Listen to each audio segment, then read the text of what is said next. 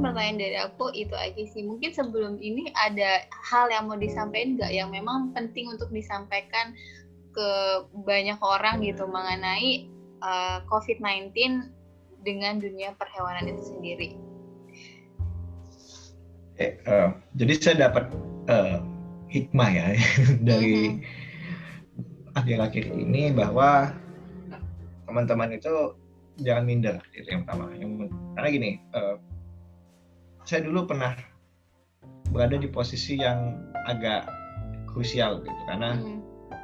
saya dulu sempat melihat kalau anak-anak sosial, anak-anak hmm. bahasa dan sebagainya itu uh, kuliahnya lebih gampang. Mungkin kalau dibandingin sama kita kuliahnya lebih gampang gitu. Tapi setelah saya cek, terus saya coba lihat beberapa oh ini kok penelitiannya kok masih kok penelitian sosial yang skala kecil.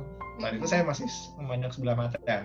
Hmm. Tapi ketika dilihat lebih komprehensif sekarang, saya lebih menghargai dari pada sebelumnya. Hmm. Teman-teman yang di sosial itu ternyata sama bobotnya dengan kita.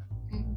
Dan, dan mereka juga lebih bahkan bisa jadi lebih susah gitu. Hmm. Mungkin Mbak Nisa dengan saya itu bobot kuliahnya lebih susah Mbak Nisa.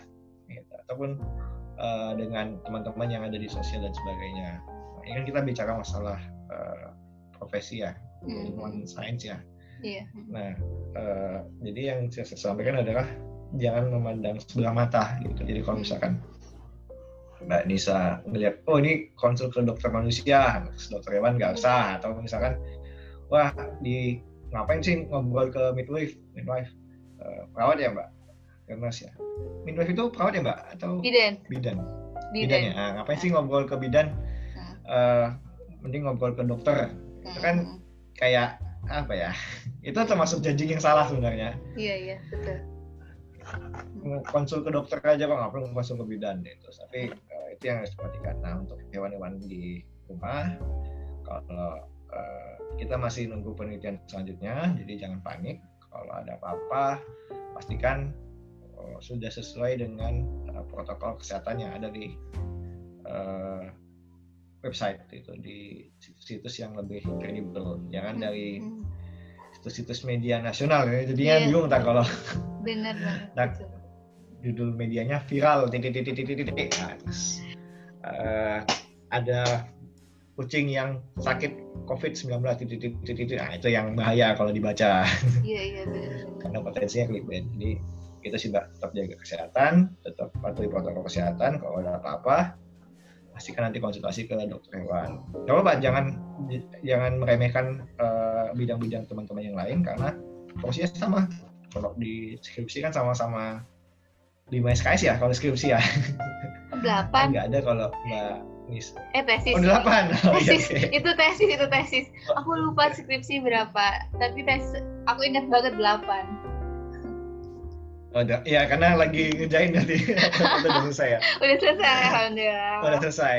Nah, jadi delapan ya. Kita sama nggak sih? Teman-teman kan? di budaya juga delapan, teman-teman di sosial juga delapan, teman teknik juga. Iya. Jadi jangan uh, tetap ya sebagai anak-anak uh,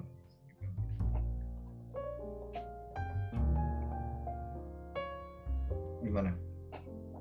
Iya iya, itu benar banget sih. Jadi kadang kan kita termakan oleh judul berita ya, yang tanpa berpikir panjang atau klarifikasi ke sumber yang bagus asli ataupun sumber yang lebih evidence itu kayak langsung ditelan. Itu mungkin salah satu kelemahan uh, masyarakat kita yang belum aware. Dan tadi penting banget sih yang disampaikan sama Mas Wahyu. Jadi jangan termakan berita gitu.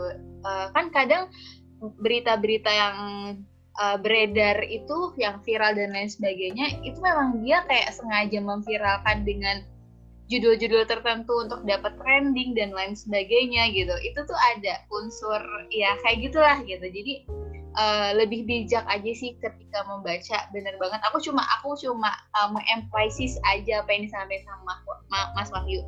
Kalau ketika kita membaca berita itu jangan uh, sepenuhnya menelan apa yang kita baca. Kita harus klarifikasi kebenarannya.